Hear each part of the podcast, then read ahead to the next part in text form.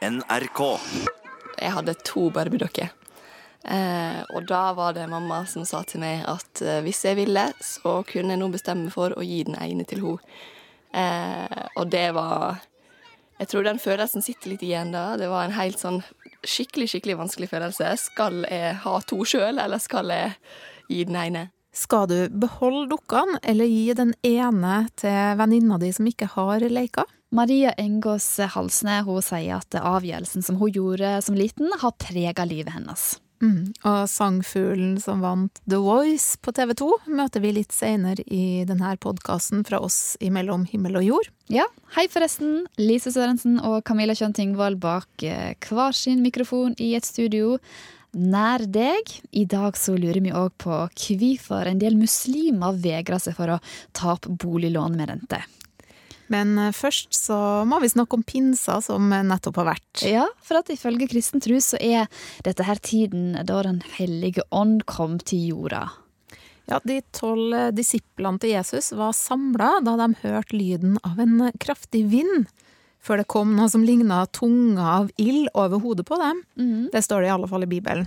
Ja, altså Jeg mener at jeg har lest en plass at det, eh, disiplene følte seg eh, berusa. Altså, de var i hvert fall utrolig glade. Mm. Ja, for etter at Jesus hadde forlatt dem på Kristi himmelfartsdag, så var de litt sånn umotivert og redd. Mm. Men eh, da Jesus sendte Den hellige ånd, så ble det andre boller. Ja, de fikk rett og slett eh, ny kraft, og så begynte de å snakke andre språk. Disiplene de hadde rett og slett hatt en åndelig opplevelse som gjorde at de turte gå ut i verden og misjonere, sies det. Og i sendinga i går så spurte vi lytterne våre om de har hatt åndelige opplevelser, og svarene vi fikk skal vi snart komme tilbake til. Først så kan vi jo høre hvilke åndelige opplevelser folk på gata i Trondheim har hatt. Ja. Jo. Ja. Nei, du først. Nei, du først. OK, jeg først. Ok, Jo, faktisk. Jeg var på grava til oldemor. Da var jeg ganske liten, og det var vinter. Og så hadde jeg på meg sånne eh, tynne Uggs, ja, som var veldig dårlig. Og det var iskaldt. Og så skulle jeg og mamma bare kjappe oss og ordne grava med lys og sånn. Og så sto jeg oppå grava til oldemor, og så kjente jeg en sånn indre varme fra jorda sånn. Så jeg tror det er en sånn åndelig opplevelse. Hva tenkte du da når du sto der? Nei, altså, jeg sa jo fra til mamma. Jeg sa sånn Oi, jeg har vært skikkelig varm. Og da så mamma Fordi mamma også er litt sånn Hun tror litt på det med det med spirituelle og det der. Så sa hun at oldemora mi var veldig opptatt av at vi skulle være varme. Så vi tenkte at det kanskje var noe sånn. Altså, det kan jo bare være noe sånn som skjedde med kroppen. Eller eh, det hadde vært sykdom. Det hadde faktisk vært liksom sant det med ånda, da. At det var oldemor. Enn din? Din opplevelse? Jo, Nei, det var på, jeg var på hytta til en venninne. Og så, eh, lå jeg, så var det veldig mye insekter sånn på rommet der de lå. da. Så jeg gikk og la meg på et eget rom. Det var en sånn gammel gammel, gammel hytte oppe i Åsenfjorden. Og så eh, etter hvert så bare, jeg, følte, jeg lå der, og så fikk jeg ikke helt til å sove. og sånn, Så fikk jeg en sånn innbilning om at jeg drev og snakka til en liten jente. Og hun var sånn, begynte å fortelle om livet sitt, og sånn, og jeg lå der liksom og lata som jeg svarte henne. Jeg husker at jeg strakk ut armen, for jeg tenkte at hun liksom lå under meg. Så jeg strakk ut armen og liksom lata som jeg tok hånda hennes. Og så lå jeg sånn resten av natta. Og så når jeg våkna om morgenen, så skulle jeg gå ut, så da måtte jeg ta for Jeg måtte liksom åpne Jeg tok og lukka døra, for jeg skulle skifte, var det, ja. Og på baksida der så hang det et bilde av en jente som bare så så lik ut som den personen jeg trodde jeg snakka med. Hva tenker du om det som skjedde? Um, nei, altså, jeg kunne jo tenke at det var litt skummelt, men jeg syns egentlig ikke det. For at jeg syns bare det var koselig. For at jeg syns hun virka så snill. At jeg ble egentlig bare så varm og god av, av hele opplevelsen. Så jeg, jeg ble ikke satt ut, eller jeg ble ikke så redd, egentlig. Tror dere at det er noe guddommelig involvert i det her, eller? Nei, det Jeg har skikkelig troa på at det er noe mer der ute som vi ikke vet hva er for noe, og at noen følger med oss hele tida. Men uh, ikke at det er noe guddommelig, nei. Jeg tror heller at det er noe som bare Det er sjelen, sjelen da, som lever videre. Som en spirituell opplevelse? Ja. Men eh, jeg vet ikke helt hvordan jeg skal forklare den. For meg så var det bare plutselig som om at jeg på en måte gikk fra nåværende verden til eh, et nytt nivå. Jeg ble ganske redd når det skjedde, fordi det kom så brått på. Men eh, det- var bare som om jeg plutselig eh, ikke helt var en, altså et ego lenger, men at jeg følte at jeg var en del av helheten istedenfor. Det var som et sånt rush på en måte, som skjedde veldig fort, og så skjønte jeg ikke helt hva det var som hadde skjedd. Så bare var jeg litt i sånn eh, ekstase etterpå, der jeg prøvde å finne ut hva det var som hadde skjedd. Hvor var du da? Jeg var til en eh, barndomskompis i Selbu. Vi hadde, vi hadde bare sittet og snakka i sikkert en time, fordi vi hadde ikke møttes på mange år. Og diskuterte litt sånn uh, spirituelle ting. Og så plutselig så bare Det var, var ikke noe magic mushrooms involvert her? Nei, nei, nei. nei. Det, det var på et tidspunkt eh, i livet mitt der jeg var veldig opptatt av eh, det, sånn spirituelle ting og mediterte på daglig basis og sånt. Hva har det, liksom, hvordan har det prega deg, da? Eh, det har eh, gjort at jeg har begynt å sette litt større spørsmål ved ting, og at jeg har lyst til å finne ut mer om eh, ja, hvordan man kan påvirke sin egen syke og personlighet. Sa altså folk på gata som du har snakka med, Lise. Og vi spurte også lytterne våre om de noen gang har hatt en åndelig opplevelse, og vi har fått noen meldinger. Ja. Jeg får kyss fra Jesus og ser Jesus, skriver en som kaller seg Kjærub. Vi skulle gjerne hørt mer om hvordan det her kjentes og så ut, Ja. men vi hørte ikke noe mer fra han. Eh, Edel Haugen var 16 år og på vei hjem fra sankthansfeiring da hun ba til Gud og spurte om han var der. Og så mener hun at hun fikk eh, øyeblikkelig svar. Hun ble grepet av en kraftig ånd. Det var veldig overraskende og en veldig sterk opplevelse, skriver hun. Og hun oppfatta det som Guds nærvær og et bevis på at han var til. Og grunnen til at vi spør om dette her, eller spurte om det i går, det er at eh, pinsa har jo nettopp vært, og det er jo den dagen da Den hellige ånd kom til mennesker, ifølge kristen tro, da. Lisa er en lytter som har hatt en åndelig opplevelse som hun fikk kraft av, sånn som disiplene fikk i sin tid, da. Eh, Hun var i et dårlig ekteskap da hun drømte at hun frontkolliderte med en lastebil og døde. Hun våkna brått og hørte eller følte eller så en beskjed. At det her var livet ditt, nå er det over. Hun skjønte at hun måtte ut av ekteskapet, og gjennom gardina så så en stjerne, og hun ba om hjelp. Og ei uke seinere så var hun på reise. Hun var i New York og bestilte spa. Og denne dama som ga henne ansiktsbehandling, fortalte hvordan eh, ja, hun ber for kundene sine hver eneste morgen. Og hun sa til henne du er ikke til bry. Og der og da så ble hun kristen. Det redda meg, skriver hun, og det ga styrken til å ta livet tilbake. Litt senere i podkasten så drar vi det her med ånd litt videre, for eh, du har vel hørt uttrykket om å få ånden over seg? Ja, jeg håper at jeg får ånden over meg til å rydde boden en dag, for eksempel. Mm, nettopp. Vi skal ut på gata litt senere og snakke mer om det her. Men nå så skal vi høre om en episode som har gjort sterkt inntrykk på hun vi skal møte. 22 år gamle Maria Engås Halsne vant sangkonkurransen The Voice på TV 2 nylig. En del år før det her hadde Maria sine første leveår i Sør-Amerika. Og en varm sommerdag stilte mora et spørsmål til Maria, da. Et eh, spørsmål som skulle gjøre inntrykk på den vesle jenta. Ja, vi bodde der i fire år. Um, fra jeg var tre til sju, så jeg gikk første klasse i, eh, i Bolivia.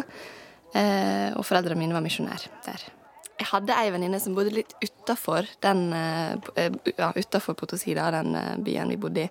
Eh, på landsbygda, i liksom jordhytte og eh, ja, og jobba på åkeren med, til foreldra. Um, og vi skulle ut og besøke dem, uh, og jeg hadde to barbiedokker. Uh, og da var det mamma som sa til meg at uh, hvis jeg ville, så kunne jeg nå bestemme for å gi den ene til henne. Og det var Jeg tror den følelsen sitter litt igjen da. Det var en helt sånn skikkelig, skikkelig vanskelig følelse. Skal jeg ha to sjøl, eller skal jeg gi den ene?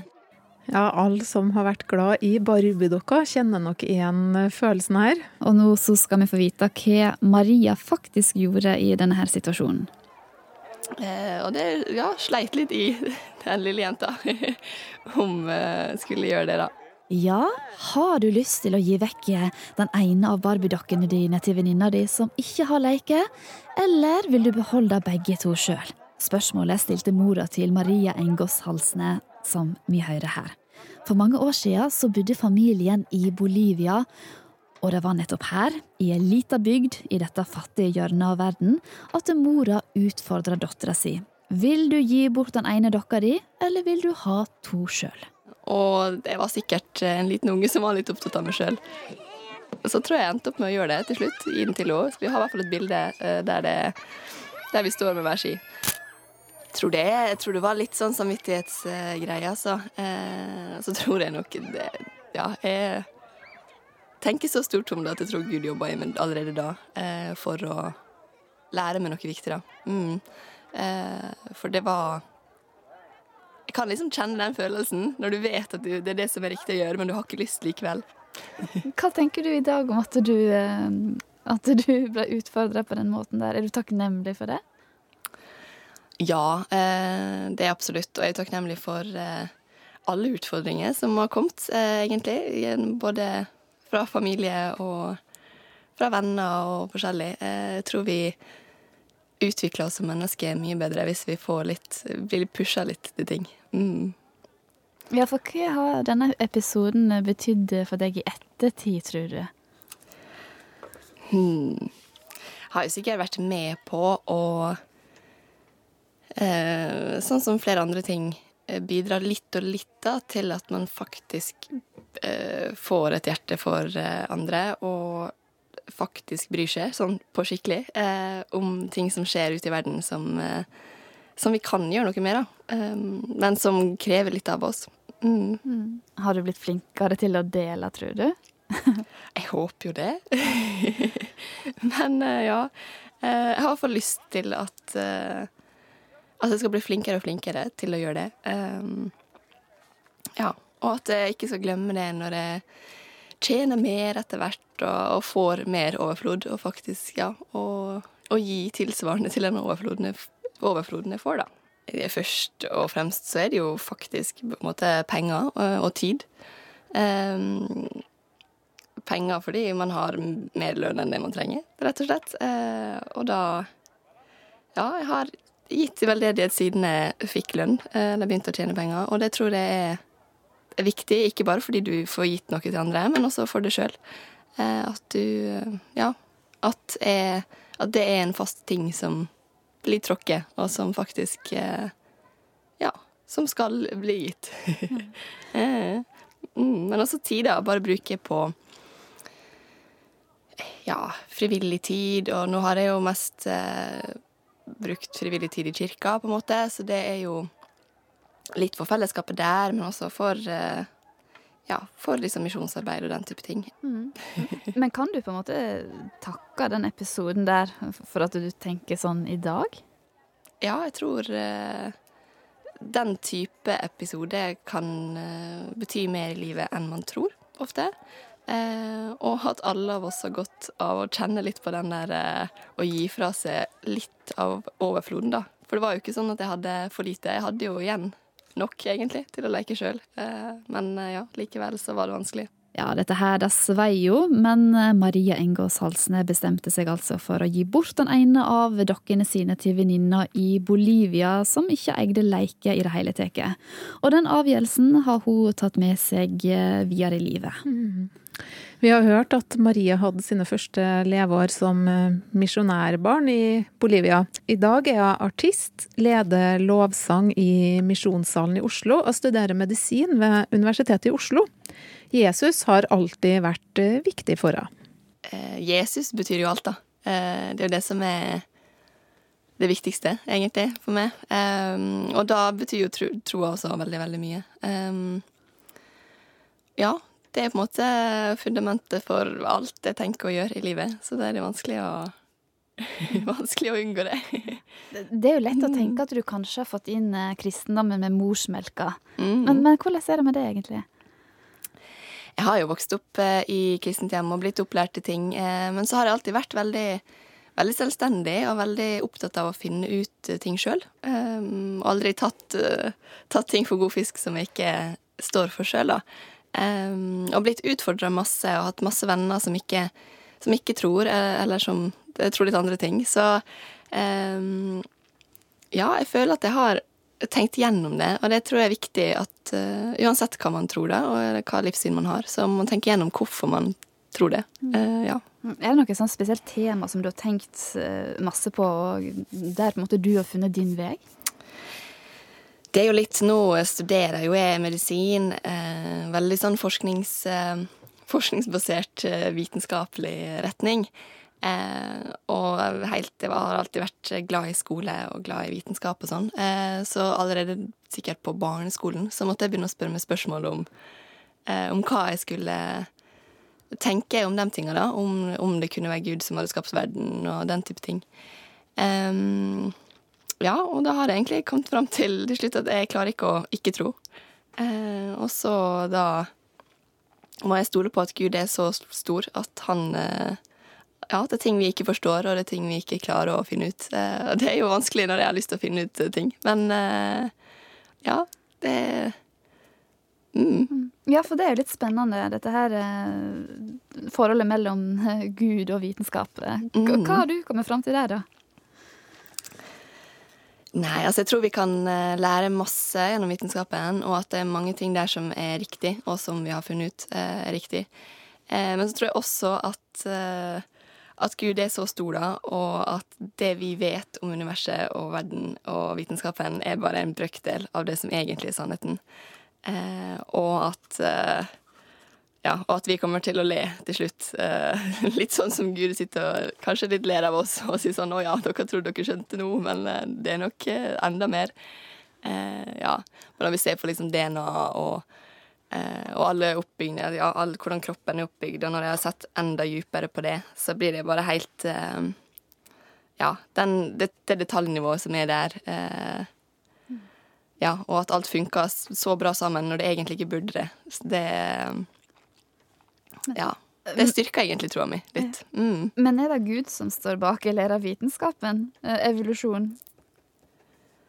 Um, jeg tror at det er Gud gjennom evolusjon, uh, egentlig. At uh, det er mye prinsipp i evolusjonsteorien som, må, som, er riktig, og som vi ser veldig klart er riktig, men uh, hvor langt bak det går, og hvor det på en måte i detaljnivå eh, har blitt styrt av Gud og ikke, det, det, har ikke jeg peiling på. Og det tror ikke noen av oss egentlig kommer til å finne ut skikkelig. Mm. Men hvordan har du kommet fram til det, da? Jeg har jo lest ting og tenkt litt og Ja. Og så er det jo til slutt så er det jo tro. Det er jo det det er. Eh, og eh, ja. Da velger jeg å tro at, eh, at det finnes en stor gud da, som står bak.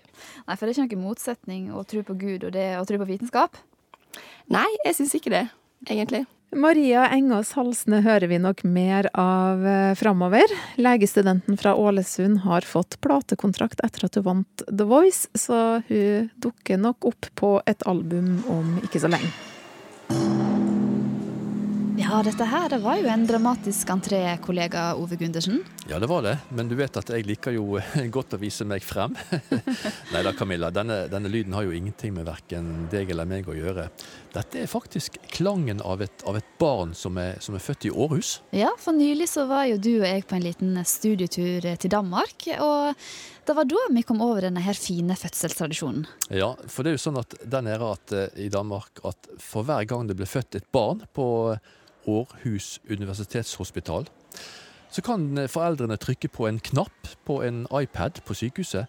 Og da skjer akkurat det som vi hørte her nå. Mm, for et stykke unna sykehuset så ligger det nye kulturhuset i Århus. Dokk 1 heter det. Og inne i bygningen så yrer det av liv hele dagen. Og høyt oppunder taket så henger det ei stor kule. Og når foreldrene da trykker på knappen på sykehuset, så løsner denne kula fra veggen, og så dundrer hun rett inn i verdens største gong, eller røyrklokke, da. Eh, som er 7,5 meter lang og 3 tonn tung. Ja, det er voldsomme greier, egentlig. Mm.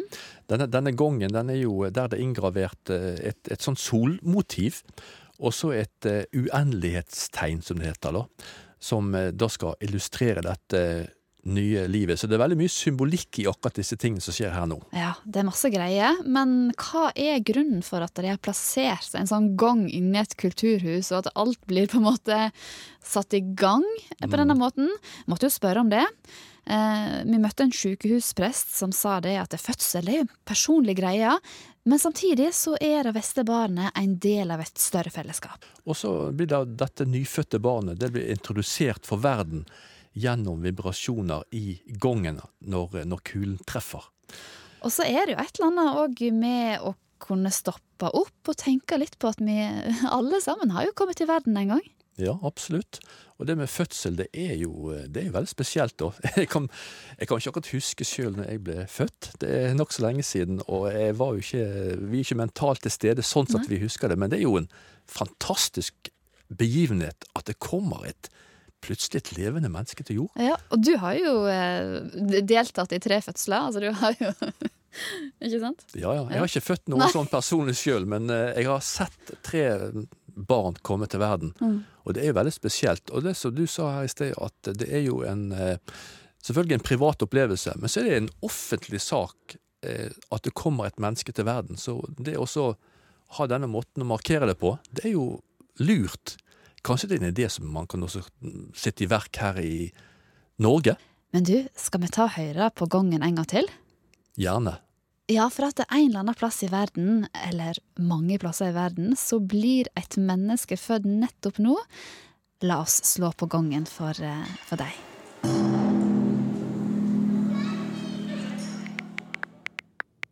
Nå stiller vi spørsmålet er det greit å sjekke mobilen til ungene sine. Vi vet at det skjer skjult mobbing nettopp her. Rykter blir spredt, folk blir baksnakka og får ikke være med i gruppe på f.eks. Snapchat.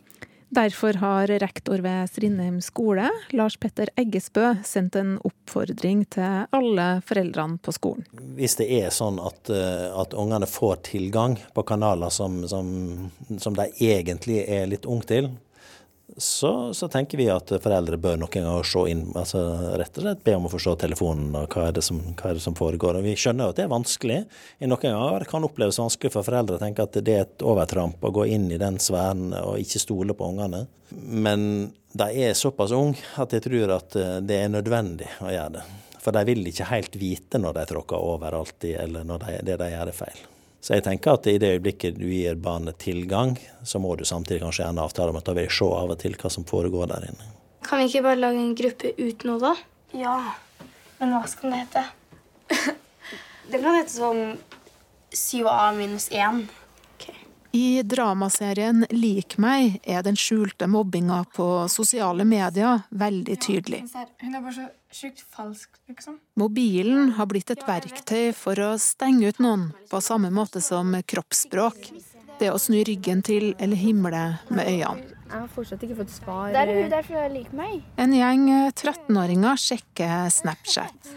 Jeg heter Ana. Margrethe. Jeg heter Sara. Johanna. Nora. Tora. Det er jo en kommunikasjonsapp, så du får jo snakka med vennene dine om det du vil snakke om, men det er jo også ganske mye sånn Du kan jo føle deg ganske utafor og sånn veldig fort der, da. Hvis man liksom går glipp av noe alle andre snakker om det, så blir det litt sånn Oi, nå kan ikke jeg være med og snakke om det her, for det vet jo ikke jeg noe om. Ja, på Snap så går det bare an til å ha 32 stykker i hver gruppe. Så hvis du er flere enn det jenter i klassen, og så får ikke alle vært med. Og da er kanskje dem som ikke får vært med, føler seg utafor. Og hvem er det som får være med der? Hvem er det som ikke får være med inne? Det kan vi noen ganger se, at da er det noen som, er, som ikke, plutselig av en eller annen grunn ikke er innafor. Og så kan det være at uh, noen plutselig lager nye grupper. Så det gir jo rom for at noen kan styre. Vi kan jo bearbeide og jobbe med det her, men vi er jo nødt til å, å få foreldre også til å følge med. Hva, hva, hva gjør ungene der når de er ute på disse her sosiale mediene? De voksne på skolen følger med på hva som skjer ansikt til ansikt, men det som foregår på mobilen, er utilgjengelig. Det ville bli helt feil om, om, jeg tok en mobiltelefon og begynte å se hva som foregår på den. Det ville være et overtramp, helt klart. Men det kan en mor eller far gjøre hvis de har en avtale om at hvis dere slipper inn her, så vil vi følge med på hva som skjer der. Så Derfor så mener jeg at jeg har en rolle å være med og si fra. Hvordan reaksjoner har du fått på den eh, oppfordringa der? I all hovedsak er det positive reaksjoner. Folk syns det er veldig greit at vi setter fokus på det, og folk opplever kanskje også at det er litt støtte i det. For en er usikker eh, på hva en kan gjøre og hva en ikke kan gjøre. Og så er det selvfølgelig noen som er uenig med oss og mener at vi ikke har noe med dette å gjøre. i det hele tatt. Men det er, det er få. Det, vi opplever egentlig at det er veldig mange som sier at dette var veldig OK at vi gjorde. Jeg syns at eh, når barn først får telefon, så må de kanskje få lov til å ha den som privatliv, da, på en måte. Og så er det jo bedre hvis foreldrene bare spør, liksom, og snakker med den istedenfor å liksom gå inn på telefonen og sjekke. fordi det, da ser det ikke ut som de stoler så mye på barnet sitt. da. Og det er liksom, man, Jeg tror ikke man har så veldig bra, bra tillit til hverandre hvis man går inn og sjekker til mobilen til ungen sin hele tida. Men det er ikke akkurat like greit for oss, fordi vi har ikke så veldig lyst til at foreldrene skal snoke inn i mobilen vår hvis vi har noen hemmelige saker der, eller noen ting som vi vil ha selv, liksom. På telefon så snakker vi med venner og sånn, og da snakker vi om alt mulig, egentlig. Og hvis foreldrene skal sjekke hva vi har liksom snakka om, så er det jo egentlig det at de ser rett inn i vårt privatliv, og venninnene våre og vennene våre privatliv. Det sa elever ved Strindheim skole. Men uh, hva tenker folk flest? Bør foreldrene stole på ungene sine, eller sjekke hva de faktisk driver på med på mobilen? Når de er så liten, så skal det ikke være nødvendig at de driver med noe som skal være hemmelig, eller ja. Vi er jo 16, og det er litt mer private saker kanskje da enn, eh, enn det er på 13-åringer. da. Jeg har opplevd nettbombing sjøl, så da var det jo mye sånn at mamma passa litt på mobilen og sånn. Men det syns jo jeg var greit, da. Hva var det som skjedde da? Eh, da var det noen på skolen som laga en eh, falsk, falsk, falsk Instagram-bruker. Og lå ut rett og slett mye dritt om folk, og spesifikt meg, da. Barn kan gjøre mye slemt mot hverandre, da. Og det blir jo enda verre hvis det, ikke, hvis det er på sosiale medier. Da kan, får du ikke sjekka det hvis du ikke går inn på mediene, liksom. Så jeg syns det er greit. Men fortjener ikke barn et privatliv også? Jo, men når det kommer til sosiale medier, så Altså, det er jo ille nok blant voksne, liksom. Så hvis barn skulle fått fritt leide der, så tror jeg det hadde blitt helt krise etter hvert. Det har jo veldig mye å si hvor gammel de her ja, barna er. Så når de begynner å gå over 16, så syns jeg Ja, men under det så er det vel greit å sjekke.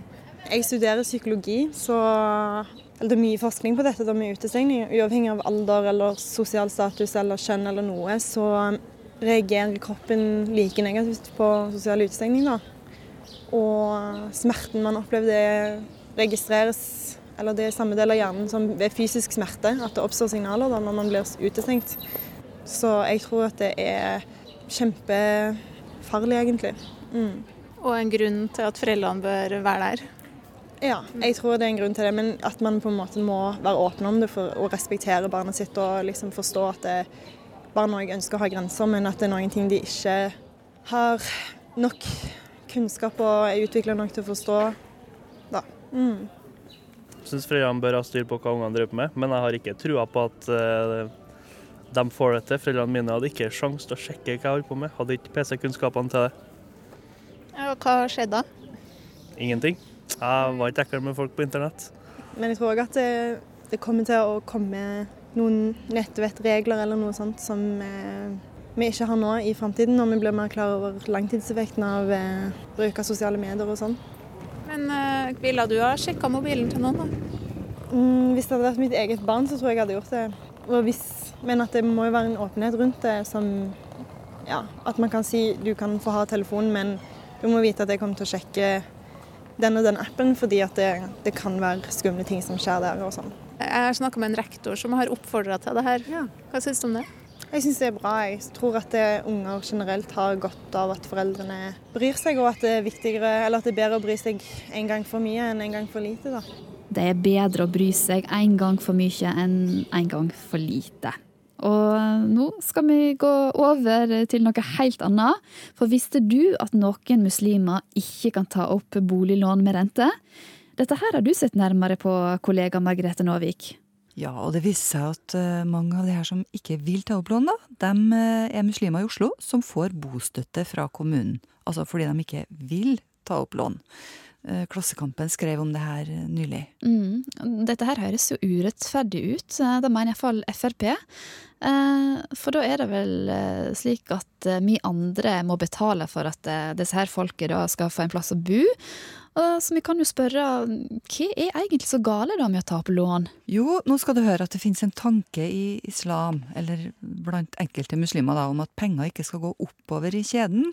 Sånn tolker de Koranen. Penger skal gå nedover, fra rike til fattige. Og ingen skal tjene seg rik på andres risiko, som jo bankene gjør. Når eh, du og jeg tar opp lån, så tjener banken penger på oss. Men dette her høres jo egentlig ut som en ganske fin tanke? Ja, vi skal komme tilbake til det, for jeg snakka med økonomikommentatoren vår her i NRK.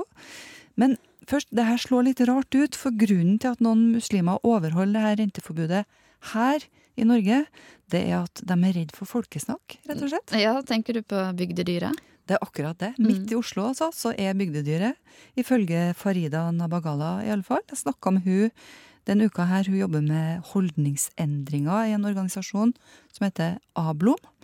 Og hun forteller altså om ei mor hun kjenner som tok opp lån sammen med mannen sin, kjøpte seg leilighet, og da fikk hun høre at uh, Gud slo hardt ned på det her. Han ga hun en solid straff. De, hun gifta seg, og, og, de fikk et barn, og det barnet hadde autisme. Og hvis du har havnet i den konflikten hvor for eksempel du tar opp lån, så vil det oppfatte Folk kommer til å snakke, og de kommer til å si du, dere skulle aldri ha tatt opp det lånet der, ser du nå hva som har skjedd? Gud er ikke fornøyd. Gud er ikke fornøyd. Mm. Du har fått et barn med autisme fordi du tok opp eh, lån med rente. Nettopp. Ja, Det er altså en lita gruppe av muslimene som bor i Norge, som ikke vil ta opp lån fordi de er urolige for hva andre i miljøet vil si. Men hvis vi tar denne tanken på alvor, det høres jo edelt ut, det her. Ingen skal tjene seg rik på andres risiko.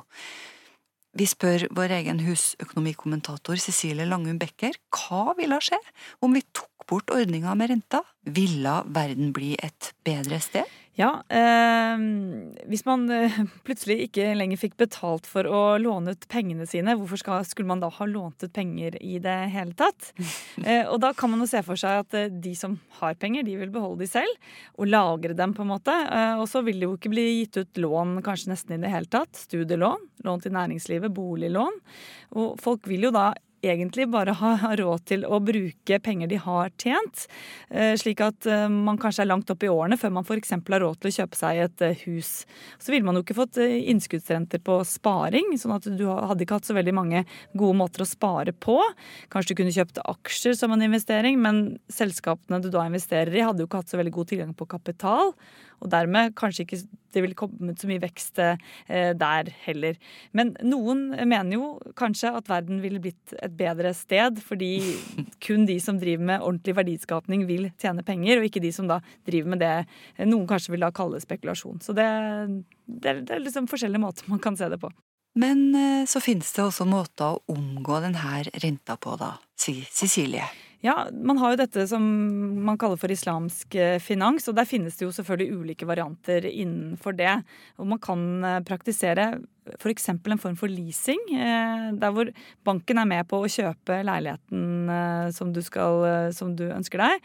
Og så betaler man en leie til banken lenge nok til man da har råd til å, å kjøpe den selv. Eller så kan banken kjøpe den for deg, og så avtaler man at man skal kjøpe den tilbake til en høyere pris. Så det er måten da den banken tjener penger på. Og så er det jo også utenfor faktisk islams, islamsk finans noen varianter. For F.eks. dette med crowdfunding, som eh, mange kanskje har hørt om. Der hvor man henter ut litt penger fra mange mennesker. Og de som da investerer, de får ikke betalt i renter, men f.eks. i det produktet de da investerer i. Og vi har jo eksempler fra ulike typer dataspill der man som investor får tilgang til å spille før alle andre, og det er den verdien du får igjen for å da eh, låne ut eh, pengene dine. Så vi kommer altså ikke utenom en slags tilbakebetaling, sier vår eh, økonomikommentator. Tilbake til Farida, hun som eh, i starten her snakka om denne mora som fikk høre at hennes barn med autisme var en straff fra Gud fordi hun hadde tatt opp lån med rente. Hva syns Farida? Skal vi lage låneordninger som gjør at folk betaler på en annen måte, sånn at det ikke heter renta? Altså Først og fremst, jeg syns ikke det skal eh, etableres nye regler for visse personer. Det syns ikke jeg. Jeg syns Norge har veldig bra ordninger, som både gjelder lån og andre ting. Og jeg syns at vi skal jobbe med holdningsendringer, for det er der kjerneproblemene ligger. Så jeg syns ikke at eh, folk skal jobbe med å lage nye regler, nye eh, låneordninger. Tull. Men eh, vet du hvordan det gikk med hun her dama som ble anbefalt å kvitte seg med leiligheten sin og kvitte seg med lånet, for da ville autismen forsvinne? Ja, altså, den forsvant i hvert fall ikke. De prøvde å gjøre alt, men det ble ikke borte. Sånn er det. Ja. Så dette forplanter seg videre til nye generasjoner også, det må ikke vi glemme. Men dette skal vi få en slutt på, Ja. sier jeg. Lykke til med det. Takk skal du ha. Det er Farida Nabagala som eh, sier dette her. Og hun jobber med å endre holdninger i organisasjonen Ablom. Og det er særlig denne tanken om at barn med funksjonshemming er en straff fra Gud som hun vil til livs. Du, I dag så har vi snakka om det som skjedde i pinsa ifølge Bibelen, og at det har gitt oss et uttrykk å få ånden over seg. Mm, ja, og få ånd, har du fått ånden over deg? Det sier noen. Ja, og det er òg et uttrykk folk på gata i Trondheim har hørt om. Ja, mormor har i hvert fall sagt at jeg har fått ånden over meg hvis, hun, hvis jeg skikkelig driver til å liksom vaske eller noe. At jeg på en måte har fått ånden over meg, men det kan jo være en sånn annen betydning, jeg vet ikke. Mm. Så jeg tror ikke det er en, en gud liksom, som har eh, kommet over deg? Altså, det hadde vært veldig effektivt, da. Hvis det hadde kommet en gud over meg bare kunne ha hjulpet meg med å gjøre ting. Men eh, altså, i sånne situasjoner så tror jeg ikke det. Men kanskje i andre situasjoner. Ikke sånn plikter, på en måte. Når jeg får ånden over meg den, den får jeg over meg når jeg spiller inn musikk. Fordi at jeg driver og rapper. Og eh, når jeg liksom Når jeg står der og liksom spiller inn, eller, eller på konsert for den del, da. Når jeg står der liksom foran eh, publikum og fremfører tekstene mine og sånn som jeg har skrevet som betyr mye for meg, da, og er i det, den opplevelsen der, da får jeg Da får jeg ånden over meg. Hvordan oppleves det? Det er det beste mulige opplevelsen å ha. Man føler man er til stede 100 Det, det er det som er det viktigste. Å bli satt pris på. Du føler at du har på en måte fått litt for det harde arbeidet, så du føler at du blir satt pris på av dem som ser på deg. Du føler at du kan på en måte det, Dere blir på en måte da en gruppe der alle står som én, så å si. Bare er vibe, da. Vibe. Hmm, jeg vet ikke. Jeg har litt sånn, kjenner litt motstand mot å bruke det uttrykket i den sammenhengen, faktisk. Mm. Hvorfor det? Fordi at eh, jeg syns at det er noe med det som tar fra den personen det gjelder, æren for det de gjør, da. Hvorfor er det på en måte viktig å la det være hos mennesket, den æren? da? Fordi jeg tror at eh, Eller jeg tenker at eh, det er viktig å støtte seg sjøl. Og at eh, hvis folk tror på at det er Den hellige ånd som gjør det for dem, så er det fint. Men det må òg være lov å si at nei, dette, er, dette har jeg gjort, eller dette er min fortjeneste, da. Mm. Det nærmeste jeg kommer åndelig, det er når jeg hører god musikk. Det er det, det største flukten fra verden. Hva slags type musikk da? Klassisk ofte. Eh, Skikkelig store klassiske verk. Hvor du liksom bare inn, blir borte. Bare hører. Eh, at ånden kommer over meg. Har du opplevd det? Eh, jeg syns det høres litt skummelt ut, egentlig. Men eh, eh, ikke, nei, jeg står litt ifra det med guddommelige og slikt. Men at det kan være meg, at jeg kan være en ånd som kommer over barnebarnet mitt en gang, det syns jeg høres fint ut. Men jeg kommer ikke til å være en gud for det, liksom. Håper du det er det som skjer? Eh, ja. Jeg håper ikke jeg skremmer henne, da. Men eh, det er jo Men eh, jeg, jeg har jo lyst til å sveve rundt og se barna mine, barnebarna mine vokse opp og sånn, men jeg tror ikke det finnes en gud der ute som gjør det Som vokter over alle, da. Jeg tror heller at mine besteforeldre vokter over meg. Og Jeg tenker mer sånn individuelt, eller sånn at en enkeltperson sin sjel kan leve mer videre og kan være blant oss. Men ikke en sånn én som har makt, føler jeg. Nei, det føler jeg ikke. At det er mer sånn Det er de døde sjeler som fortsatt lever. Og det er ånden som eventuelt kan komme over oss. Ja. Det er mer det, ja. Ja, dette var litt forskjellig om ånd på gata i Trondheim, altså. Og jeg tror egentlig jeg bruker å si det jeg òg noen gang. Og få ånden, å, nå får jeg ånden over meg, eller har du fått ånden over deg? Ja. Ja. Så kanskje vi får ånden over oss da, Camilla, til å lage en ny sending? Ja, la oss håpe på det. Lise Sørensen og Camilla Kjøntingvold eh, skal altså i gang med det. Vi håper at vi høres igjen neste mandag, blir det vel? Mm. Ha det fint. Ha det.